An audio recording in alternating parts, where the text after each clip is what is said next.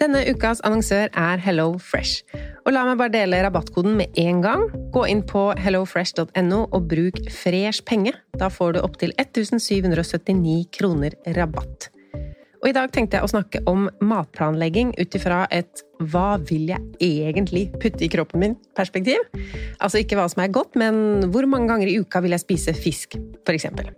Og med Hello Fresh-appen så er dette så fint. Du velger bare ut fra en liste hvilke fem eller fire eller tre middager du vil spise uka etter. Og så kommer matkassa til deg på døra. Og du trenger ikke å tenke noe mer på hva du skal spise. Denne uka så blir det for meg to fiskeretter, to vegetarretter og en kyllingmiddag til guttene. Gå inn på hellofresh.no og se selv hva du kan velge mellom. Bruk koden FRESHPENGE for å få opptil 1779 kroner rabatt på de første seks matkassene dine, pluss gratis levering på den første kassa hvis du ikke har prøvd Hello Fresh tidligere. Rabatten kan du også bruke hvis du har vært kunde hos Hello Fresh, men det er mer enn tolv måneder siden.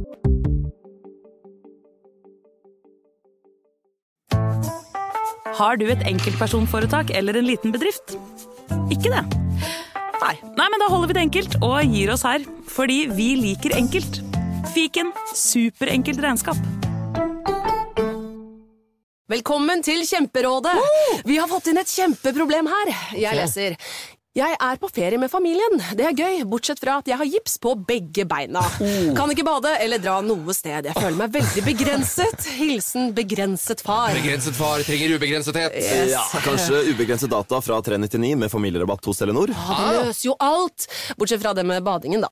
Se nye mobilabonnement på telenor.no. Yes!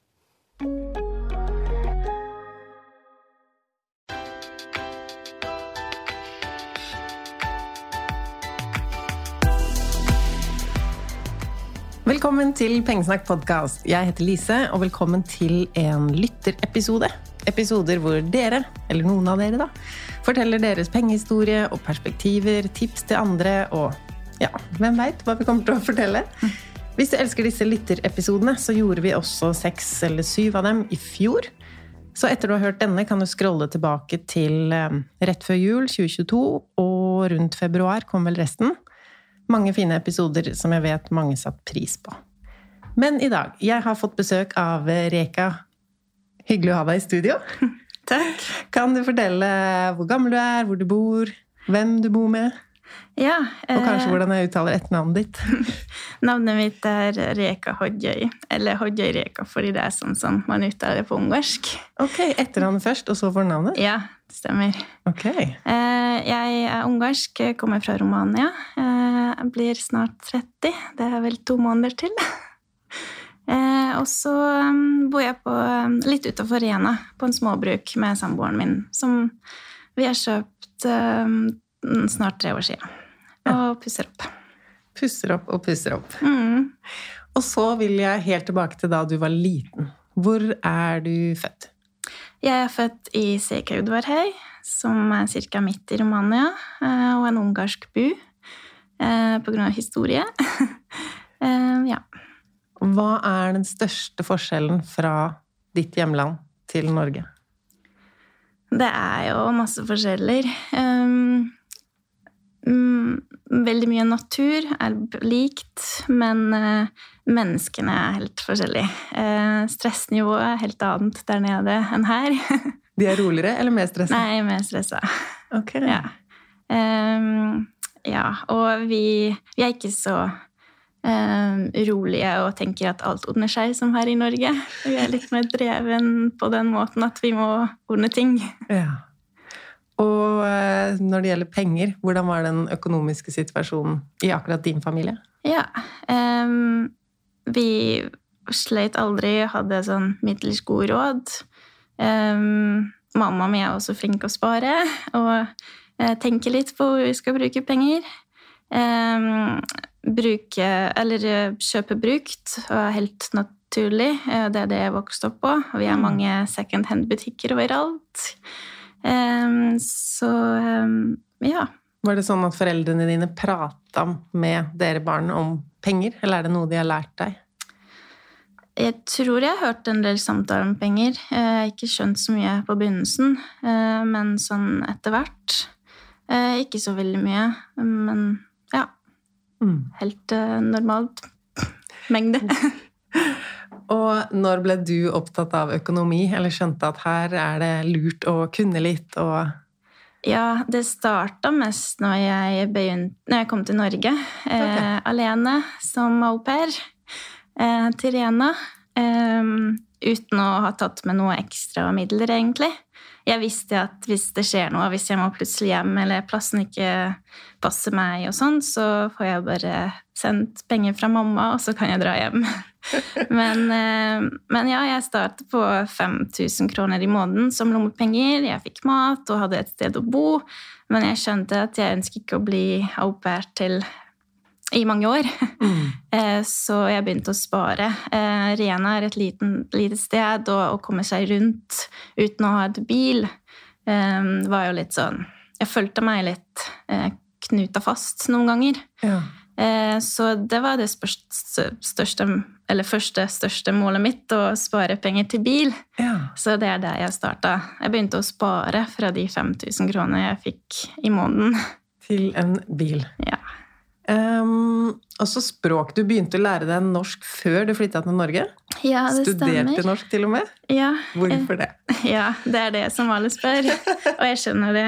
Um, nei, eh, når det nærmer seg slutten på videregående, så alle begynte å lage seg litt planer. Um, jeg, jeg var en liten sånn flik, ping, flik uh, Flink pike? Flink pike, ja, stemmer.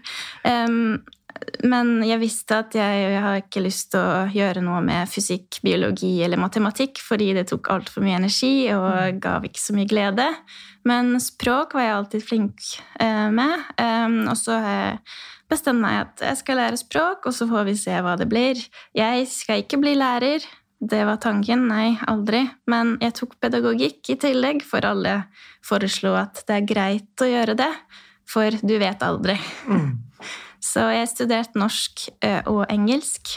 Eller egentlig engelsk og norsk. Norsk var min B-fag ja. på universitetet i Romania.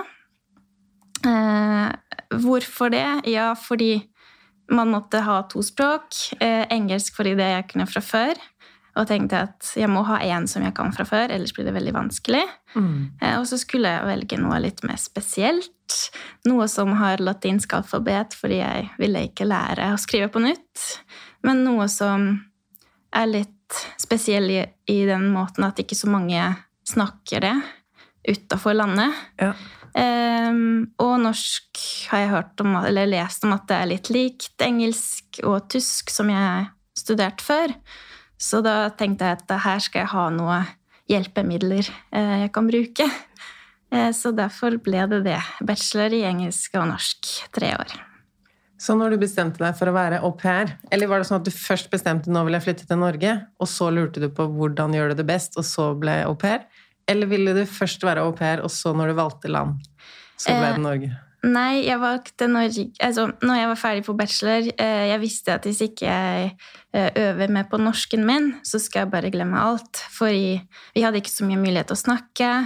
Eh, jeg lærte mye grammatikk, men jeg var ikke noe veldig stødig. Det var ikke så mange nordmenn å snakke med. Nei. Så jeg skjønte at hvis ikke jeg gjør noe med det her nå, og videreutvikler litt, så skal jeg glemme alt. Så derfor så måtte jeg til Norge.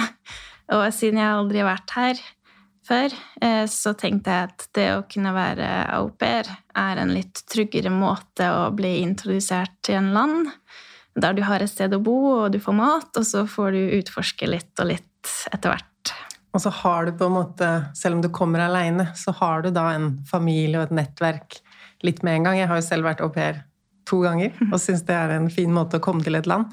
Men jeg har jo skjønt at alle er ikke like heldige med familien de kommer til. Eh, Hvordan var det for deg å komme til Norge og familien du havna hos? Jeg syns jeg var ganske heldig. Eh, Det er en tysk familie jeg havna hos. Eh, Men de hadde en fosterbarn som trengte hjelp med lekser, og det, jeg egentlig prater bare norsk med dem. Ja. Men jeg hørte masse tysk imens. Så språkmektigheten din kom, Mm. kom deg til gode. ja. Um, så skrev du i mailen til meg at når du kom til Norge som au pair, så turte du ikke å ha noe langsiktige mål for deg selv. Hvorfor ikke det? Nei, jeg syntes det var for tidlig. Jeg måtte utforske litt mer og bare se om dette er et land hvor jeg kan tenke meg å bo eh, lenger enn én eller to år. Så jeg kom bare helt åpent og måtte bare se, se det an. Og så ble du forelska. Eh, ja. Hva skjedde? Nei, jeg møtte min samboer på det gårdet hvor, um, hvor jeg jobbet som au pair, fordi han har jobbet der før og bodde der fortsatt. Og han er også tysk. Ja. Og nå har det gått syv år, og du er her enda. Ja, det stemmer. Fortell, hva gjorde du etter du var eh, au pair? Du har Eh, studert litt og Ja, først så brukte jeg omtrent et halvt år for å finne meg en jobb. Eh, Det var, det var veldig tungt. Og hvis ikke jeg hadde samboer eller kjæreste, da, så hadde jeg kanskje reist hjem eller flytta et helt annet sted i Norge. Mm. Fordi ingen vil ha meg. Jeg har studert, jeg kunne norsk og engelsk, og hadde litt pedagogikk i bakgrunn, men eh, jeg hadde ikke noe jobberfaring, annet enn at jeg har vært au pair. Og ja, hadde et utenlandsnavn, og jeg tror ikke jeg var veldig interessant for arbeidsgivere, for å si det sånn. Nei. Opplevde du noe som direkte diskriminerende, eller var det, tenkte du mer at det Nei. antallet intervjuer eller møter du fikk Mm, jeg fikk ingen intervjuer. Jeg har bare sendt inn masse CV uten å liksom bli kalt inn en gang. Ehm, så det var veldig vanskelig. Jeg har ikke opplevd noe annet enn stillhet, på en måte, Nei. som var veldig demotiverende. Eh, og så hørte jeg på radio at eh, det er en ungarsk tannklinikk i Oslo. Eh, så jeg sendte min CV dit. På norsk, da? Ehm, Eller ungarsk? ja, på norsk. Eh, De har jo klinikk her, egentlig. Eh, Ikke langt herifra. Um, men de driver med pasientreiser til Ungarn, og, og behandling også i Norge. Ja. Så jeg sendte min åpen CV, da, bare for å, for å prøve. Jeg skjønte da at kanskje jeg skal ikke finne jobb på Østlandet, eller oppi der eh, i Elverum-Rena-området. Så jeg måtte litt lenger ut. Mm. Og da har de faktisk hatt behov for en resepsjonist. De har bare ikke rukket å annonsere det. Så mm. da ble det jobb der i et halvt år. Men da flytta du til Oslo? Ja, jeg flytta til Oslo, leide et rom og pendla til, tilbake hver helg, egentlig. Ja, for det lurte jeg på. Fikk du kjøpt deg bil? Hvordan gikk den sparingen? Nei, eh, jeg har ikke kjøpt meg bil da, for da trengte jeg ikke. Eh, Plutselig. Jeg eh, tok bussen og bare begynte å samle mer og mer. Eller prøve å spare mer og mer. Ja. Og så jobba du med andre ting òg? Du hadde flere stillinger?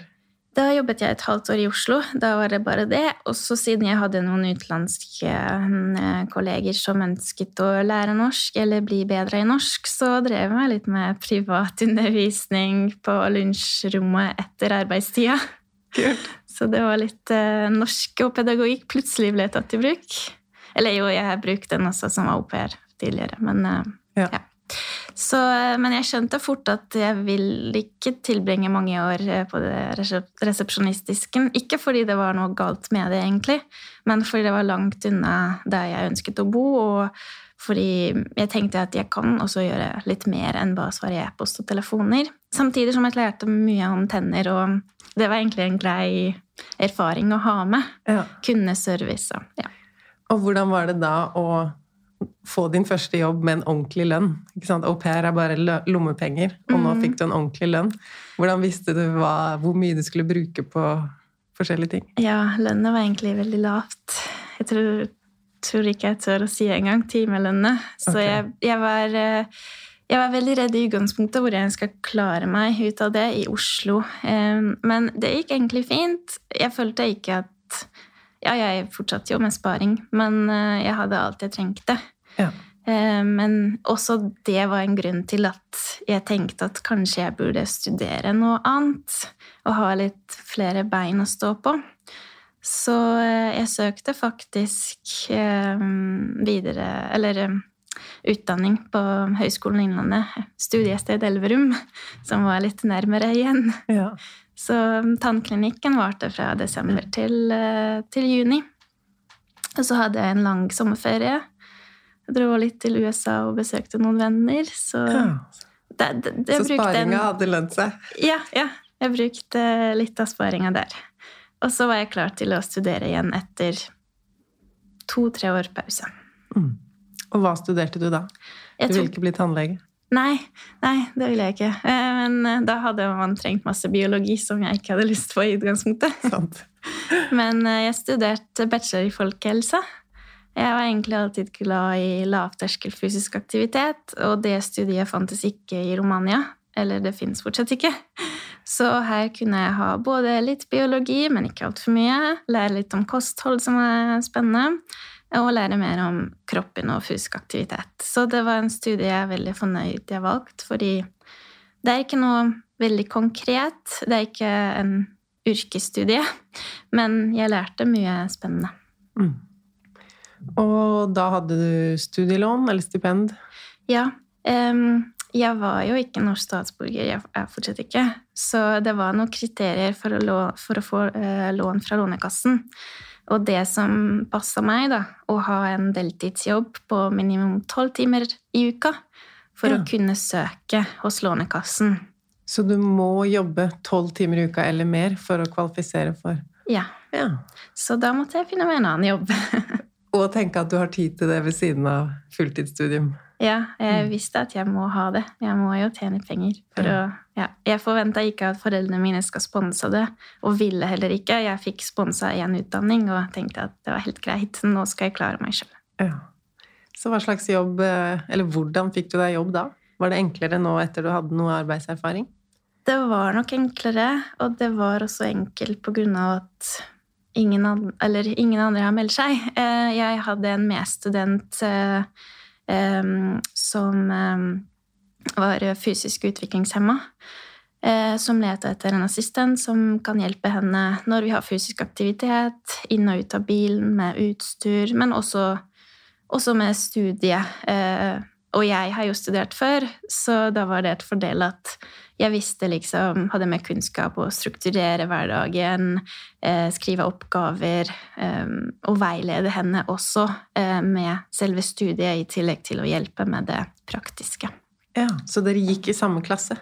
Vi gikk i samme klasse og bodde i, rett ved siden av hverandre Ja. i en periode. Mm. Skjønner. Og da levde du av de inntektene, og så fikk du jo lånekasse. Ja, eh, jeg fikk inntektene fra, som BPA, og så fikk jeg lån fra Lånekassen. Det var begynnelsen. Ja. Og så Jeg tok på meg litt vaskejobb iblant. Det var bare litt ekstra inntekt, da. Så det var de tre tingene. Men jeg brukte egentlig ikke Lånekassen. Eh, Jeg søkte det. Jeg måtte ha det som en sikkerhet hvis ikke jeg klarer meg fra det jeg tjener. Eh, Men jeg endte opp å sette den til side og sette den til side. Jeg har egentlig aldri brukt den. Nei, for du hadde venta til å leve på veldig lav inntekt, og så fortsatte du bare med det? Ja, jeg fortsatte ikke å kjøpe meg bil. Jeg bare betalte en studentbolig, sånn at jeg slipper å pendle. Ja. Og så kjøpte jeg med mat og klær og ting jeg trengte. Men, eh, men det Og så hadde jeg jo Jeg sparte jo litt opp i, mens jeg jobba fulltid. Mm. Så det var bare viktig for meg å ha et eh, ja, ha den der bufferen der hvis, Ja. hvis det skjer noe. Og så hadde jeg fortsatt et ønske om å kjøpe en bil, men da, da måtte jeg hatt en jobb der jeg trenger den bilen. Ja. Mm. Og som student, det er kanskje det enkleste når man skal holde et lavbudsjett fordi man er med andre studenter som heller ikke har en Mm. superstor økonomi, som foreslår 'bli med på den dyreste restauranten'. Ja. Det er liksom, Lavbudsjett er eh, mer normalt, da. ja, det var studentliv, og så var jeg sammen med samboeren min i løpet av helgene da. Um, og så jeg kom på det at jeg hadde en jobb til.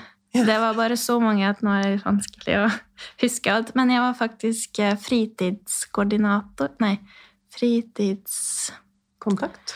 Fritidskontakt, stemmer betyr det. Um, det var en kommunalt tilbud for barn eller unge eh, mellom 12 og 20 år som hadde en aktivitetskveld hver uke. Eh, om det var bare Eller ja, noen ganger var det klatring eh, på klatreveggen. Eh, også noen ganger var vi ute på hundekjøring, eller eh, de her, Jeg tror de har også vært eh, bowling og mange andre ting. Curling har de vært med på. Og så var vi flere sånn fritidskontakter eh, og fikk hver vår egen uke. Så da var det Kanskje noen var veldig heldige og var med på curling, det var jeg ikke, men jeg var med på hundekjøring. Og det var det var moro. Vi var med. eh, Vi aktiviserte dem på en måte. Vi snakka med de deltakere og var der som en voksen person. Så det var en av de morsomste jobbene jeg hadde. Ja.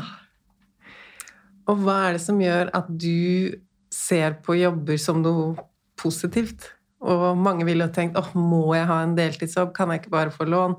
Uh, mens du tar jo enda en jobb ved siden av ekstra-ekstra-jobben. Mm. Det var både fordi jeg følte at jeg kan lære mye av det. Det var tross alt fagrelatert i forhold til folkehelse, både det å være BPA og fritidskontakt. Um, men jeg hadde fortsatt ikke den langsiktige planen min, um, og jeg visste fortsatt ikke hva som skal skje. Så motivasjonen for å, for å ta mer jobb, det er det å klare meg av de pengene jeg får, og må ikke bruke Lånekassen, selv om den var der. Men Ja. jeg ville ikke bruke den. Det ville du ha som buffer. Mm. Eh, men så jobba du litt på høyskolen òg, eller var det etter du var ferdig selv? Nei, den starta på andre året. Jeg fikk jobb som, um, som eh, studentambassadør. Hva innebærer det? Ja, eh, vi var på åpen dag på høyskolen. Eh, Hjalp til, tok imot eh, besøkere. Vi var med på utdanningsmesse. Det var den største Eller, ja, høydepunkten.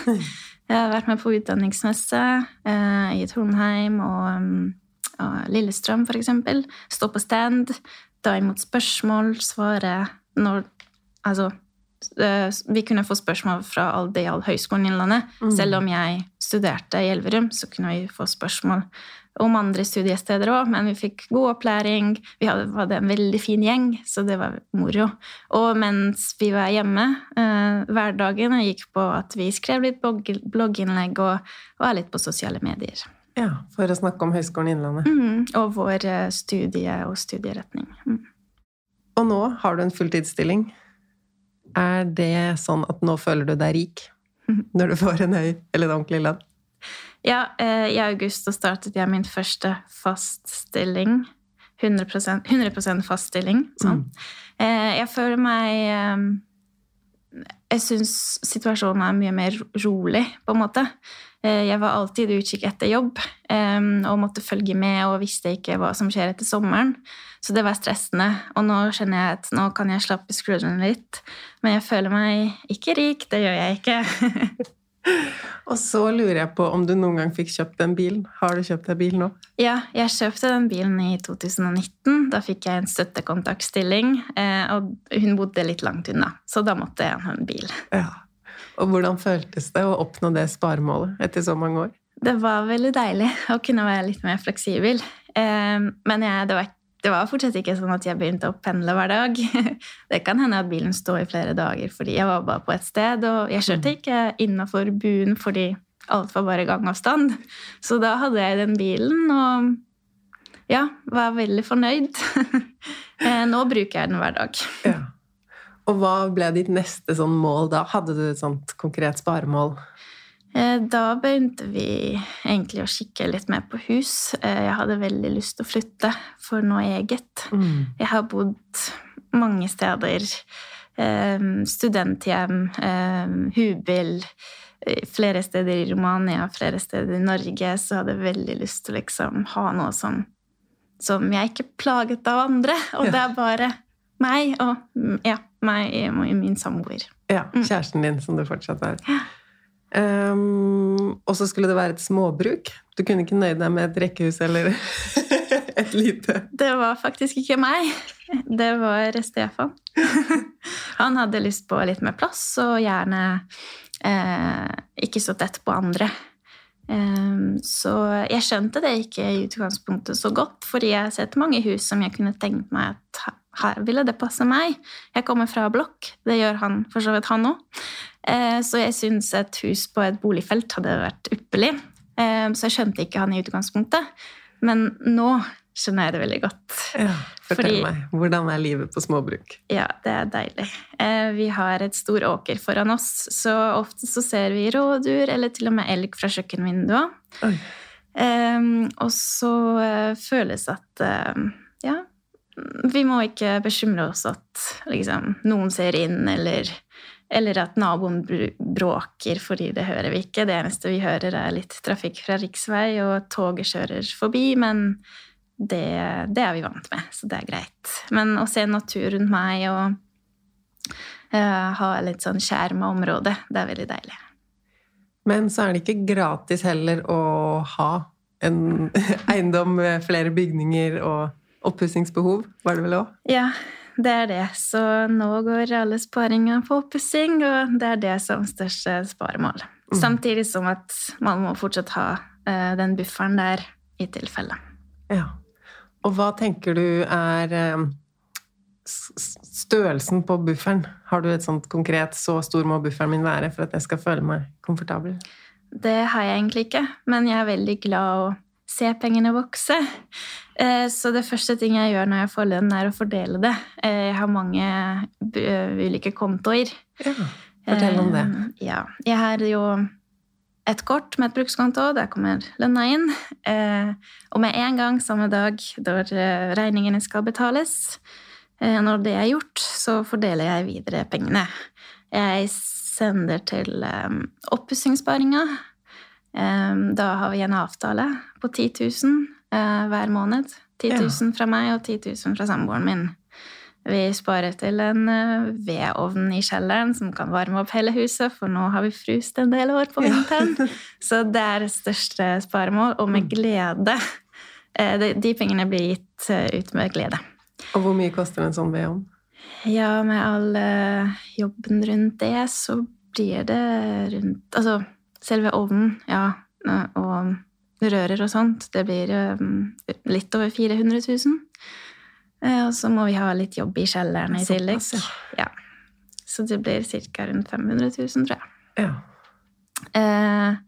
Men ja, der går det største sparingen, og så går det litt på mitt eget sparekonto. Og så går det litt på bufferkonto, og så går det kanskje litt på sparekonto nummer to. Eh, Jeg har to banker, og pengene er litt sånn fordelt. ja. Og hvorfor har du to sparekontoer? Er det to ulike sparemål, eller? Eh, nei, eh, når jeg var student og fikk den lånekasselånet, eh, lånestipend, så tenkte jeg at kanskje, hvis jeg ikke bruker det, så kan jeg sette den et sted der jeg kan få høyest rente. Ja. Så da googlet jeg meg litt frem hvilken bank kan gi meg høyest rente. Så derfor har jeg en bank nummer to. Eh, og der står det liksom litt mer langsiktig sparing. Og så har jeg sparekonto på min første bank. Mm. og der står det litt penger, bare in case. Men er det sånn at du fortsatt følger med på hvor er det høyest renter, og kan flytte? Ja, jeg gjør det. Men jeg har fortsatt de samme bankene. Men om det kommer plutselig en sparekonto pluss på det ene, så flytter jeg gjerne litt penger dit for å få litt høyere rente. Det er det jeg har gjort de siste årene, og nå, eh, nå begynner jeg å åpne litt mot fondssparing. Jeg har hørt en del om det, og hørt på dine tidligere podkaster og lært, prøver å lære meg litt, eh, lære litt om det. Mm. Og så er det sånn at du er jo vant med å leve veldig på lavbudsjett. Mm. Hvordan er følelsene dine nå når du kjøper ting? Er det sånn at det er vondt å gi fra seg penger? Um, når jeg fikk min første 100% jobb, eh, det var i 2022 um, Da Altså, vi kjøpte samtidig småbruk, begynte med oppussing. Prisene gikk veldig opp. Eh, både på det vi tenkte på oppussing, men også på dagligvare og alt. Så da, da satt jeg og tenkte litt på Oi, jeg trodde når jeg får min 100 lønn en gang etter at jeg er ferdig studert, så skal jeg føle noe annet. Ja. Jeg, det gjorde jeg ikke. Eh, hjernen min skifta aldri fra den derre low budget, spare så mye jeg kan. Mm. Jeg går fortsatt i den samme sporet. Og hva gjør du da? Du skrev til meg at eh, du nesten aldri kjøper ting til full pris. Ja, Så hva, du leiter rundt, eller søker, eller finner ting brukt, eller pruter, eller hva, hva er strategiene dine? Ja, den ene strategien også, tilbake til å fordele penger og alltid ta lite på gruskonto. Eh, Det er en spare eh, triks som jeg utvikla til meg sjøl. Hvis jeg har lite der, så må jeg tenke kanskje litt mer på hva jeg kjøper.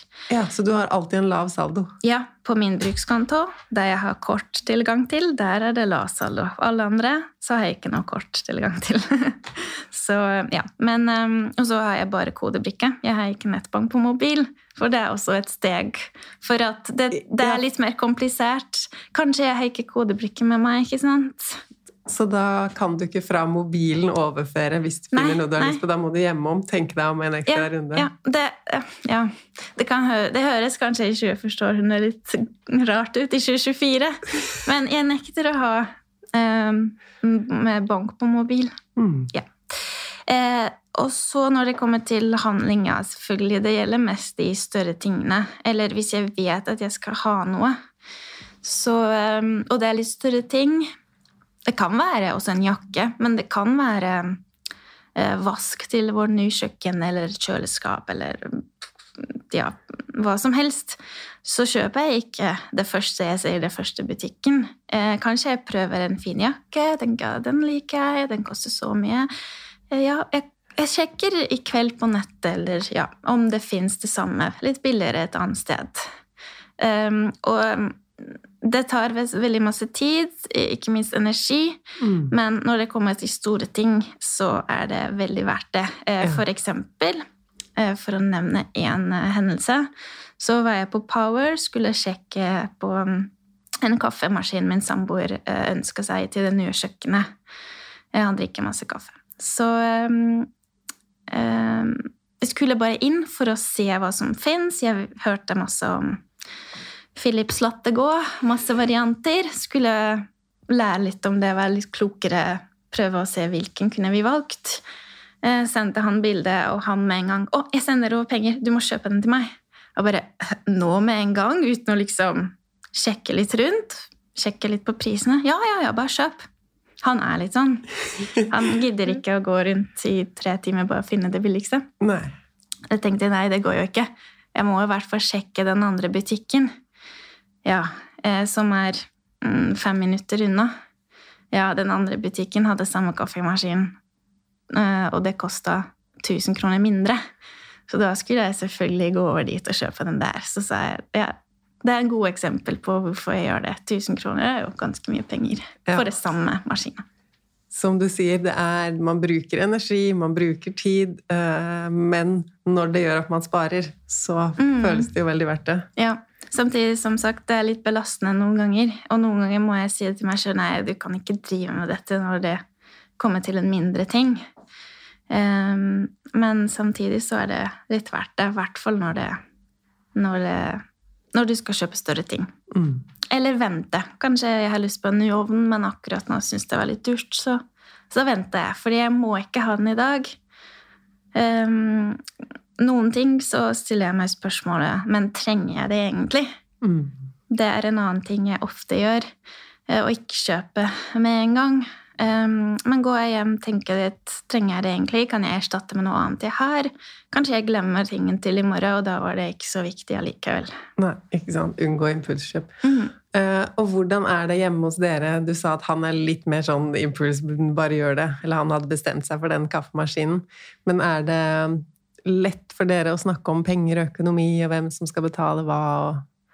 Um, jeg, det, det er nok meg som er litt mer økonomiinteressert. Um, min samboer er ikke ofte i butikker, men hvis han skal ha noe, så skal han ha det. Ja. Uh, men han kjøper ting veldig sjelden, i hvert fall. Um, så uh, hvis vi skal ha noe, så er det jeg som skal undersøke. Hvor skal vi kjøpe? Hvilken skal vi kjøpe? Du er innkjøpsansvarlig. Ja, det er jeg. Og så er det han som bygger ting og setter ting på plass. Ja, fordi når det gjelder all oppussinga Du sa at han er tømrer, så han kan gjøre mye. ja, det Selv? stemmer. Vi gjør egentlig alt selv, og så får vi en god del hjelp fra hans familie i sommerferier og ja. Har du lyst til å dele flere ting? Dine sparestrategier eller lærdom du har hatt? Pengegrep som vi ikke har snakka om allerede?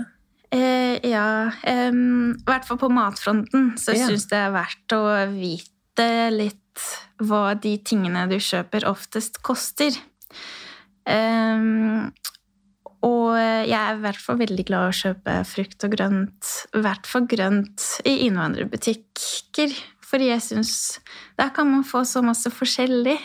Eh, mye større utvalg, og mange ting er billigere. Eh, kjøper ofte datating, besøker holdbart. Litt forskjellige tiltak. Men det som er hovedpoenget her, er å huske det du kjøper mest, hva det koster. Sånn cirka. Ikke til punkt og prikke. Men hvis du går til en annen butikk, ser jeg at her er det egentlig mye dyrere. Da går jeg kanskje tilbake til det jeg pleier å kjøpe det.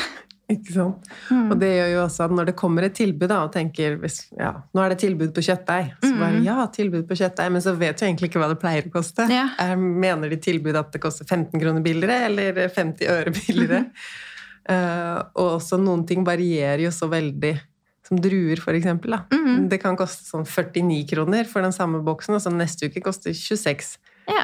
Så da ja, Å velge å ikke kjøpe det når du, hvis du kjenner til prisene, da. Mm, ja, eller velge kanskje en eh, First Price, eller ja, innafor merkevarer merkevare så er det en, også en del forskjeller. Ikke sant? Eh, lager ofte brød hjemme. Det er også en Ja, veldig fin tips. Ja. Eh, sparer, prøver å spare mye på strøm. Jeg er litt kresen der. Hva er strømsparetipsene dine? Eh, følg med på hvor mye det koster, og kanskje du må ikke starte vaskemaskinen og ovnen når den er på høyest nivå. Eh, kanskje du kan starte tidlig på morgenen eller litt senere på kvelden. Ja, så det Eh, sjekker du hver dag? Nei, ikke hver dag. Jeg er veldig dårlig på det om sommeren, for da, går, da bryr jeg meg ikke så mye. Men når det kommer til vinter og oppvarming, og når de sju høye prisene pleier å komme Ja, Det da- er når du trenger mest strøm, så koster det mest. Ja, ja, Ja. da pleier jeg å sjekke. Kanskje ikke hver dag, men den dagen hvor jeg vet at eh, ja, det er veldig kaldt ute, da er det i hvert fall eh, greit å sjekke. Um, drivstoff prøver jeg også å spare på, så langt det lar seg gjøre. Og hvordan gjør du det? Mm, Jeg begynner å sjekke prisene kanskje en uke før jeg vet at jeg må fylle. Sånn at jeg ikke ender opp med at jeg må fylle, og så bare kjøre til den første eh, bensinstasjonen og bare fylle, for jeg må. Mm. Um, For hva med- kan prisene variere? Nå koster det sånn rundt 20, men det kan også være 24. Ja, det kan også være noen ganger, noen ettermiddager når alle kjører fra jobb, så kan det være fortsatt 24, 23. Ja. Men kanskje tidlig på morgenen. Eh, når eh, kanskje klokka sju, klokka åtte kan være litt billigere, i hvert fall der jeg bor. ja. Eh, og jeg begynner å sjekke litt tidligere enn det jeg må fylle, eksempel. Smart. Mm. Noe mer? Um, julegaver. Julegaver? Ja, det er det jeg pleier å Jeg er veldig glad i å strikke. Og det er min guilty pleasure, på en måte. Hvis jeg skulle bruke penger på noe, så, så de siste årene så har det vært Så var det å kjøpe garn. Ja. Det er også mye på salg, men, eh, jeg kjøper nok mer enn det jeg trenger. Så eh, julegaver, oftest trekk eller gjenbruk. Mm. Em, maling blanda med bakepulver kan gjøre store forandringer. Fortell om det. Ja, kjøpe en vase så i brukbutikken som du liker formen til, men kanskje ikke så veldig mye fargen Ja. eller utseendet ellers. ja. Så har du litt restemaling, blande med litt bakepulver. Ikke altfor mye. Vente ca. fem minutter, begynner det å boble litt, blir sånn airy. Eh, og så tar du en pensel, og ikke male, men bare sette på malingen. Trykker det på, Trykker liksom? på, ja. Ja. Mhm. Eh, ja, sant at det blir ikke en vase du kan eksempel ha blomster i og vann. Eh, I hvert fall må du være forsiktig. Men skåler og, og kanskje bilder om, eller det fungerer på veldig masse ting. Alt kan egentlig males. Kult.